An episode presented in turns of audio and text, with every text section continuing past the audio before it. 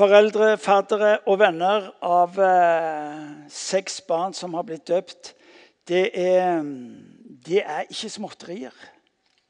Og kanskje er eh, dette med dåp ei greie som vi har eh, en type nærhet til, eller det er litt sånn, det er sånn type fjerne greie. Det er noe vi gjør fordi vi bor der vi bor, og så blir spørsmålet om dåp og det det representerer, kanskje litt sånn type perifert. Men eh, de eh, senere åra har igjen dette med dåp eh, tatt meg. Rett og slett fordi det, det er en sånn en enorm demonstrasjon på både hva det vil si å være en kristen, men kanskje ikke minst hva det vil si å komme til å tro på Jesus. Eh, det spørsmålet som går igjen og igjen, og igjen, det er ja, men hør nå, Et barn kan jo ikke ta imot. Et barn kan jo ikke tro. Og for meg har Det blitt det der, det er godt mulig at vi må se på ordet tro. Fordi at vi har gjort det litt krøkket for oss sjøl. Dåp er ikke primært å ta imot. Dåp er å bli tatt imot. Ja, Men det kan et barn. Et barn kan bli tatt imot. Et barn kan få lov til å starte en vandring, ikke nødvendigvis ved å skulle vite 100 hva var det som skjedde, men litt lenger ned på veien vil barnet kunne se tilbake og si det var det som skjedde. Når, eh, når israelsfolket eh, i sin historie og sin livssyklus fikk beskjed om at alle guttebarn skulle omskjæres på den åttende dagen Ja, gutten syntes dette var ei gyselig greie. Jeg kan, jeg kan fantasere på det. Men når gutten så seinere ble ungdom og voksen, så kunne han se tilbake igjen så kunne han si den dagen ble jeg en del av den pakt som Gud oppretta med sitt folk. Dåp er en pakt. Dåp er en pakt. Hvilket betyr Dette må vi få tak i.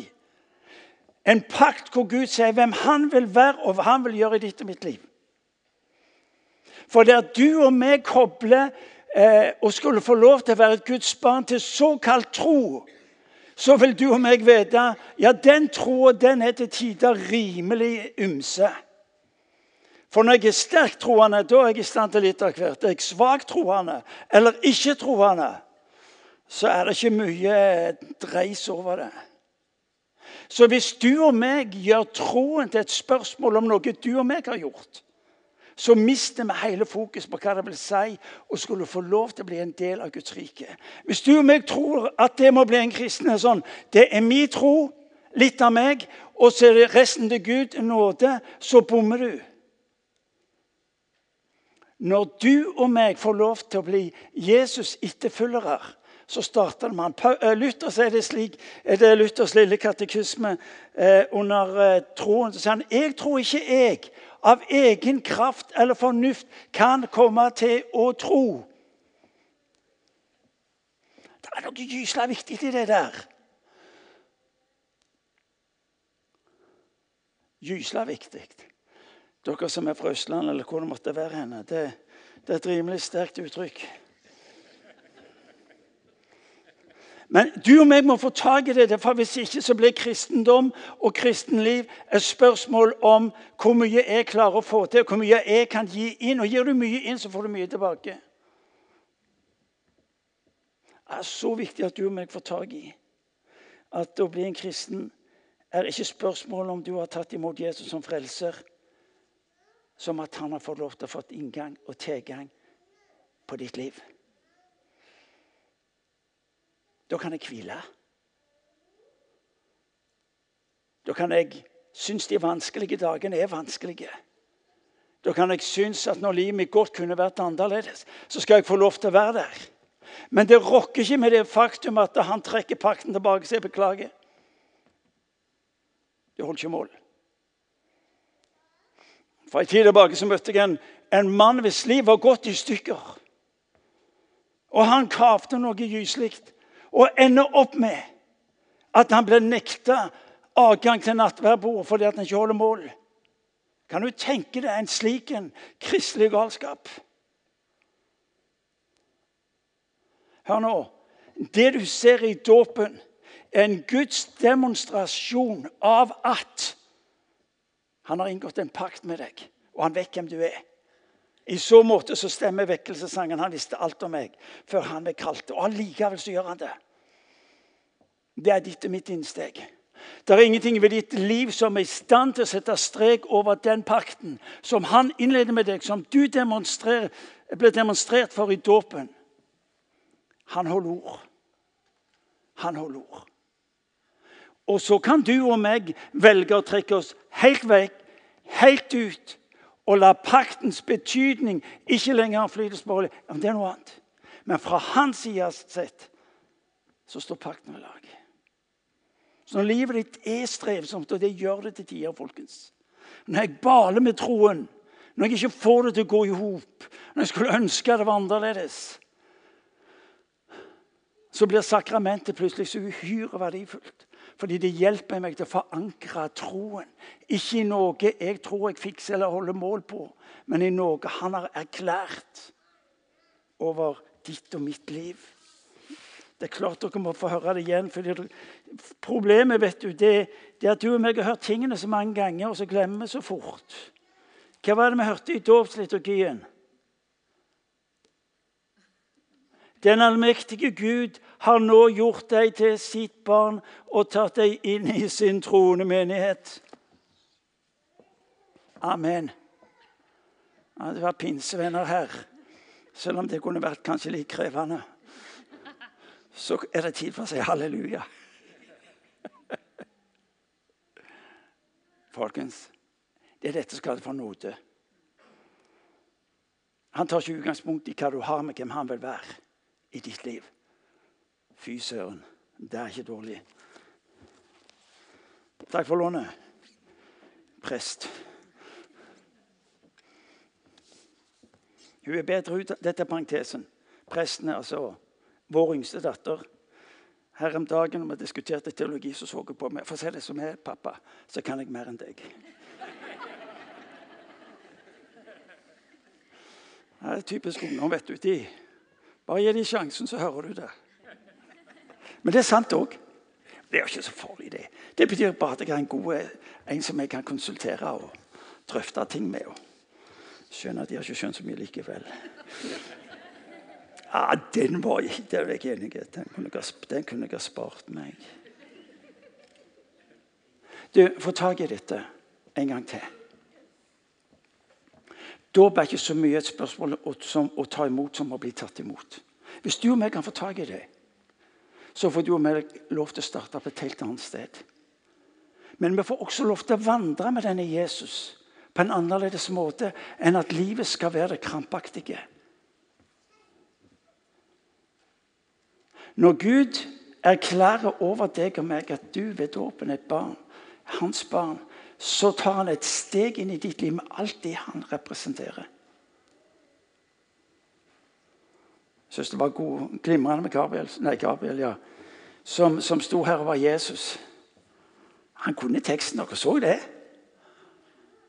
Alt er mulig. Alt er mulig.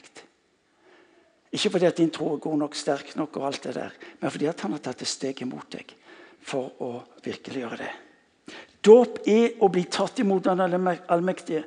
Og Dåpen er en av kirkas sterkeste handlinger fordi den er forordna av mesteren sjøl. Det er interessant at i Bibelen så sier ikke han gå ut og gjør alle til kristne. Men han sier gå ut og gjør alle folk til mine disipler. I det dere døper dem. Altså, det er, for, det, er, det, er en, det er, en, forbindelse mellom det og disippelgjøre mennesker. Hva vil det si å disippelgjøre mennesker? Jo, det er det vi gjør med ungene våre. Vi oppdrar ungene våre. Men det betyr at vi også får lov til å oppdra, disippelgjøre dem i det livet som jeg skal få lov til å gå sammen med Han som har erklært over ditt og mitt liv at jeg er din Gud. Foreldre, faddere, ditt kall der du står og nikker, det er at du skal gjøre det til disipler. Ikke mist det perspektivet. Gi dem noen sabla svære gaver. Fyll opp kontoen deres når det passer. Ja. Men du er primært kalt til å gjøre deg disipler. Ja.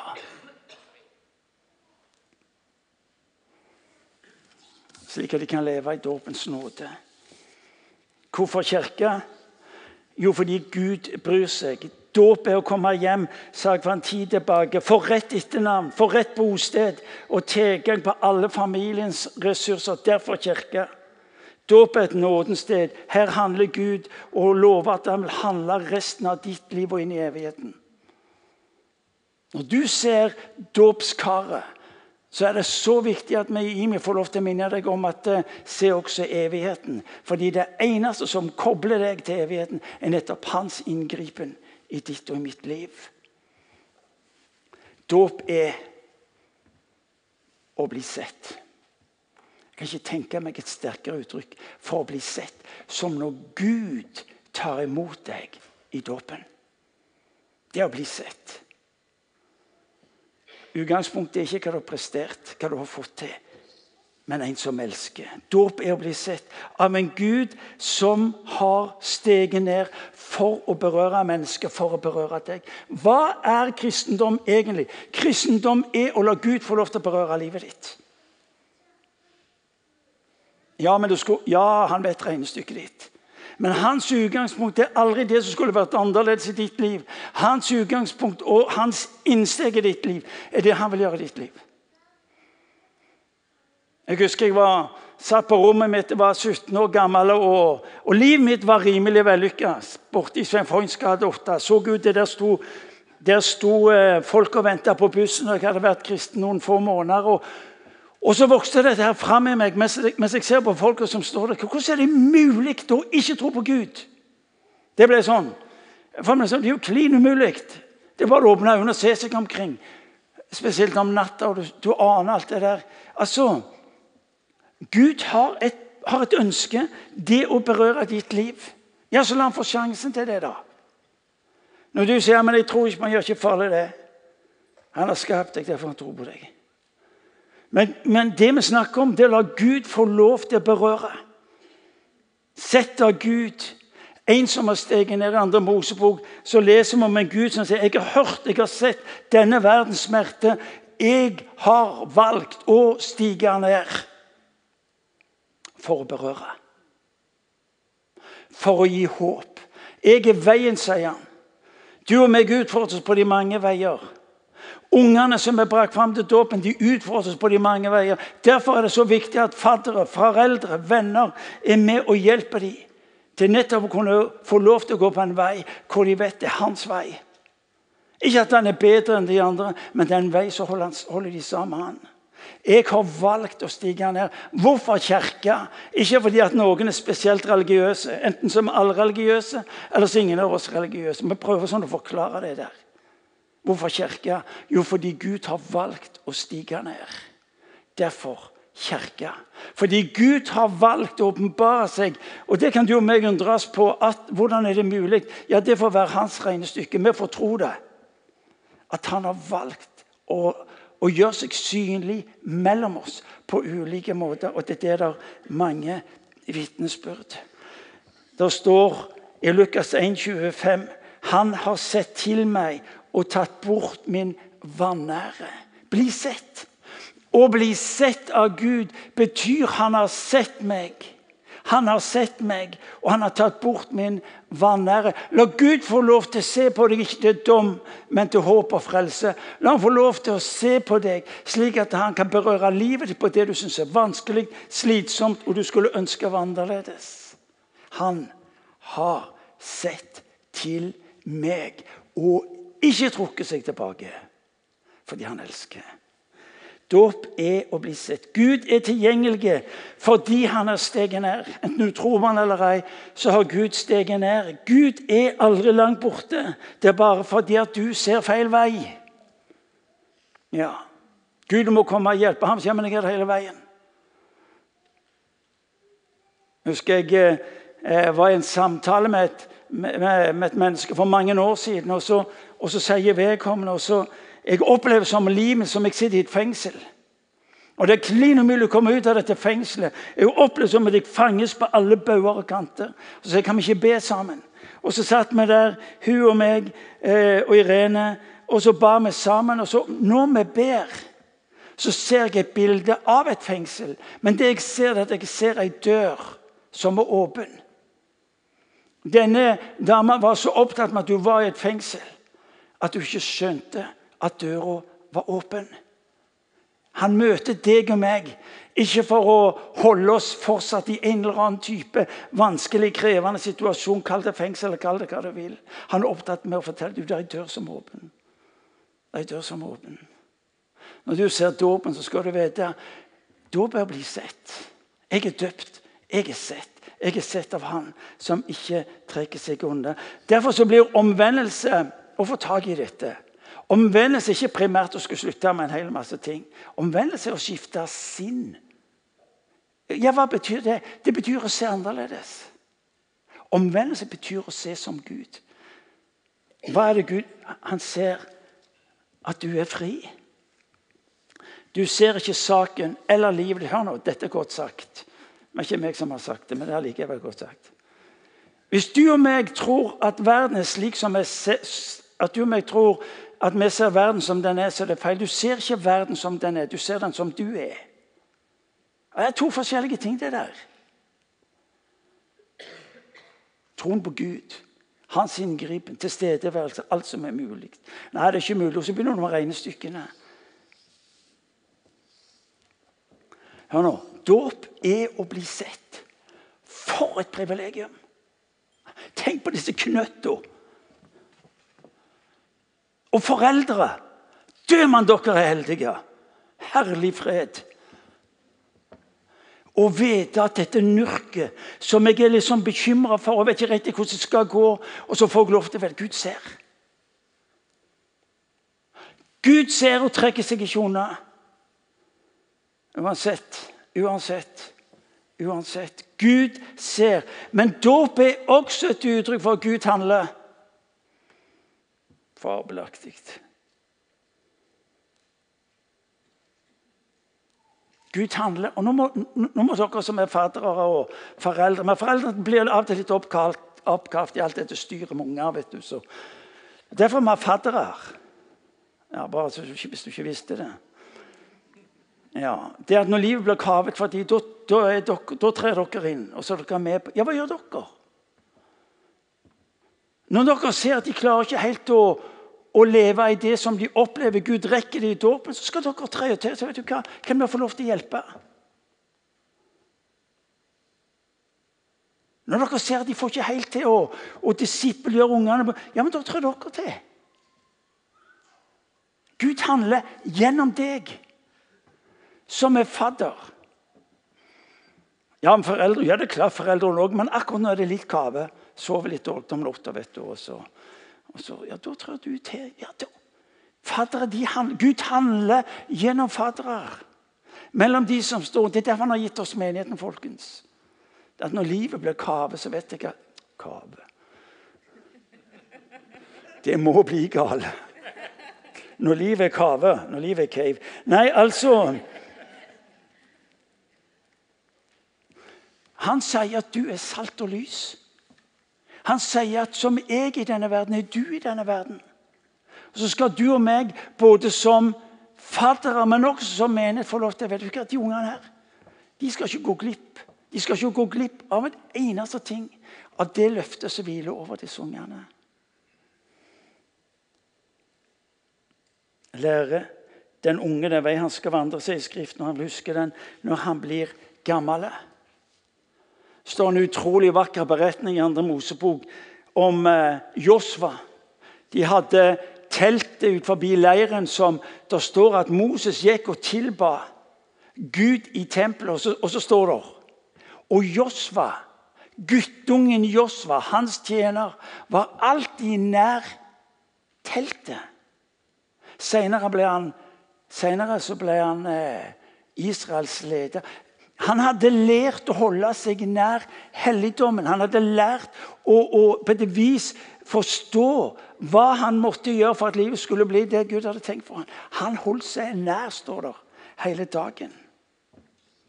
Dåp er å bli sett. Dåp er å handle.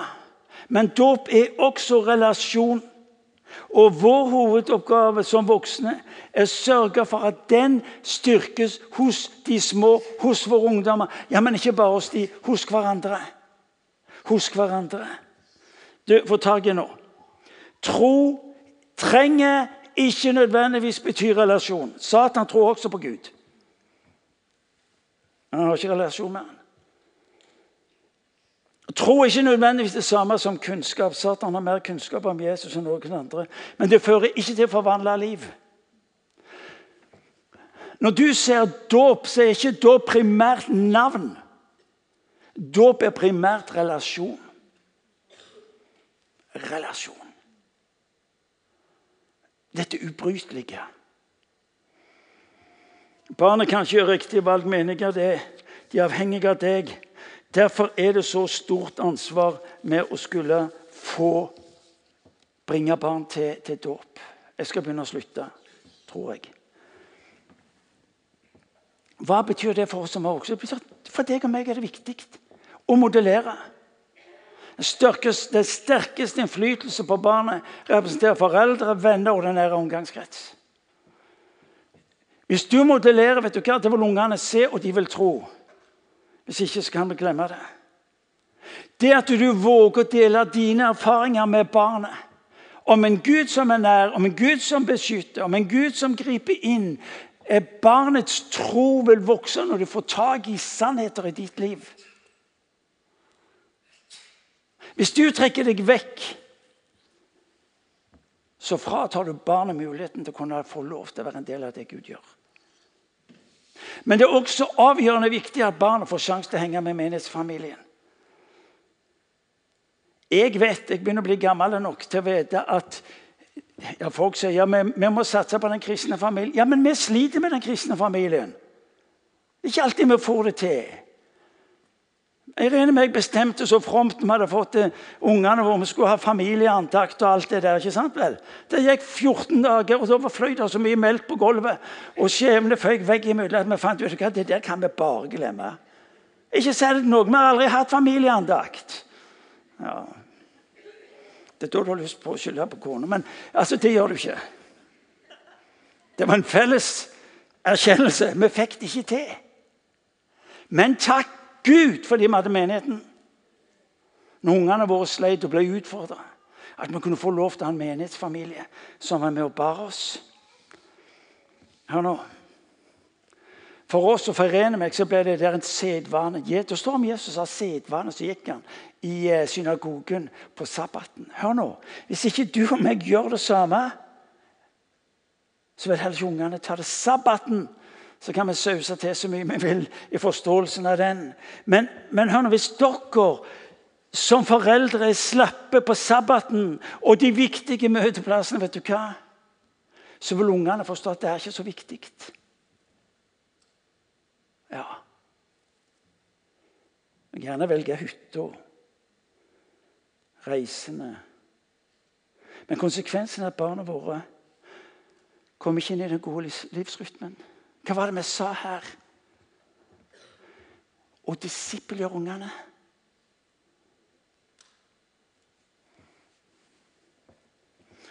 Det er faktum folkens, at i dag for mange, De fleste familier er mer committa til idrettslaget enn til gudstjenesten. Det er noe der. Jeg er imot idrett. Er du gal? Hvis det er noen som er begeistret for idrett, så er det meg. Bare spør kona. Men du og meg, hvis ikke du og meg modellerer hva som er viktig i våre liv, så vil heller ikke ungene lære det. Derfor så står det om Jesus så sterkt av sedvane gikk han. Fordi at Hør nå. Det er hva du investerer i barna som små, du også vil hente fram når de blir voksne. Kan du, kan du gi meg bilde på veggen?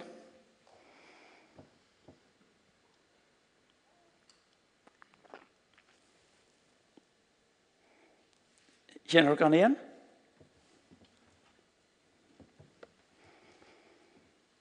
Arne Ekebø. Farfar til Erlend. Han realiserte drømmen sin om å få kjøpe gård og Samtidig hadde han et ønske Samtidig så hadde han et ønske om at ungene skulle få lov til å gå på en kristen eh, eh, ungdomsskole. Men han hadde ikke råd. Han hadde ikke råd. Denne historien hørte jeg på fredag og gjorde et dypt inntrykk på meg. Han hadde ikke råd til å sende ungene på en kristen ungdomsskole på Kvitsund. Kvitesøy. Selv bodde han på Finnøy. Han hadde akkurat kjøpt gården som han drømte om å bygge. Og så så han ungene og sa jeg er nødt til ungene mine det beste. Og så søker han jobb i Kviteseid for at ungene skal gå på Kvitsund. Han lar drømmen ligge til sides fordi han har ett mål, det å gi ungene sine det beste. Og så blir han værende i Kviteseid i nesten 20 år som gårdsbestyrer. Fem unger.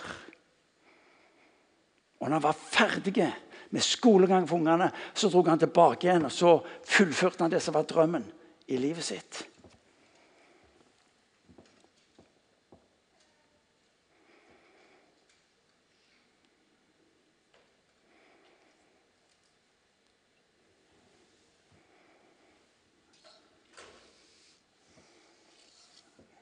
Hørte vitnesbyrdet. Erlend, så får du ta imot den. Da, da skjønner jeg hvorfor Erlend er som han er. Erlend har noe av det samme. Ville bety en forskjell.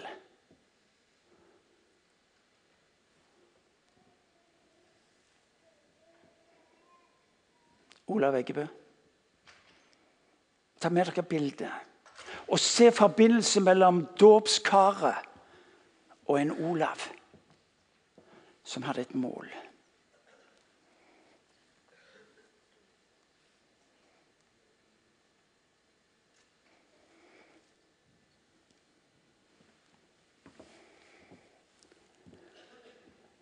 Dåp er pakt, og alt det Kristus representerer og har, er ditt. Vet du hva? Våre små skjønner ikke det, men de vil lære det av ditt liv. For når de ser hva som er viktig i ditt liv, så vil de fylle. Gud er tilgjengelig. Allmaktens Gud er tilgjengelig. Søk meg, sier han, før du søker noe annet, og du har det du trenger. Det er hans løfte for deg og for meg.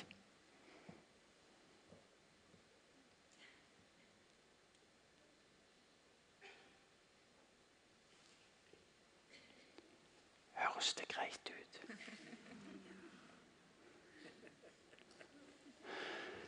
Hva er summen av det jeg sier? Der Gud har gitt dere barn Jeg kunne nesten si å forvalte. Ikke gi dem noe mindre enn det beste. Ikke gi dem noe mindre enn det beste.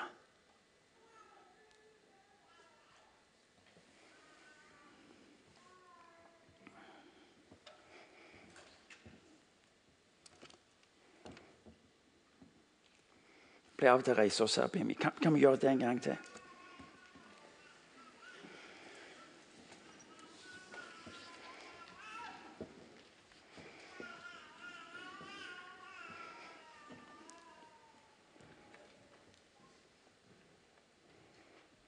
Og mens vi står Vi har gått, vi sittet en halv time nå, ser jeg. Så vil jeg at dere skal møte Frida Kristin. Uh, hun er ikke et barn lenger. Hun er en ung kvinne. Men hun valgte en tid i sitt liv å gjøre et valg som tok henne inn i en erfaring med Gud som har tatt hennes liv i en helt annen og ny retning. Frida Kristin, fortell meg oss hva valg du gjorde, og hva betydning det har hatt. Mm, ja. Eh, etter å ha jobbet mange år i oljebransjen så kjente jeg at det var på tide å gjøre noe helt annet. Og så dukket Profetiskolen opp. Og da kjente jeg at dette er noe som har betydd altså profeti har betydd så sykt mye for meg i mitt liv. Så det var noe jeg ønsket å lære mer om. Så derfor har jeg gått ett år på Profetiskolen. Akta. Hva har det gjort med deg? Det har vært med å sette en ny retning eh, for livet. Ja. Og det har fått meg til å få opp øynene for hvor vanvittig mye profeti kan bety. Er vi mange her som lever et profetisk liv i det daglige, så er vi med å forandre samfunn, vi forandrer nabolag, vi forandrer skoler, arbeidsplasser. You name it. Så det du gjør, du tar og stiger ut av det såkalte suksessfulle for å bli en del av noe du opplever kan berøre verden på en enda sterkere måte. Mm. Og neste år, så, hva skal du gjøre da? Da skal jeg være intern for Mariann, som skal lede profetiskolen. Så jeg kjenner jeg er ikke ferdig med profeti. Det er så viktig at det vil jeg lære mer av. Være med å ta det videre. Mm. Hvorfor Frida Kristin her? Jo, fordi jeg vil at dere skal ha modeller på mennesker som våger å bety en forskjell. Som også Hun reiser ikke til Kviteseid, men hun velger å trø ut av den såkalte suksessfaktoren for å gjøre noe som har betydning på en ny måte. Ta kontakt med, eh, med Frida Kristin etterpå. Eh, kanskje skulle du spørre deg sjøl om på hvilken måte kan jeg lære av, kanskje gå på en skole som hjelper meg til å lære mer av hvem denne Gud er. Takk skal du ha, Frida Kristin. La oss be. Kjære Herre Jesus Kristus. Takk fordi at du er den som har kommet nær til oss. Fordi du elsker.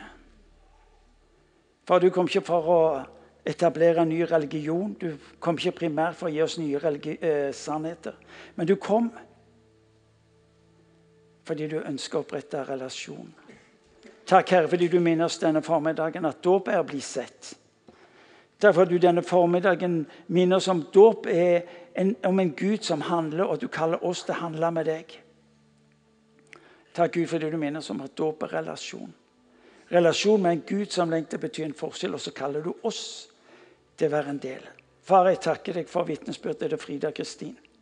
Far, vi takker deg fordi du kaller oss alle i dette hus nå til å gå ut og la denne verden erfare at du er god. Far, vi tilber deg om å opphøye ditt hellige navn. Takk, Jesus. Takk, Jesus. Amen.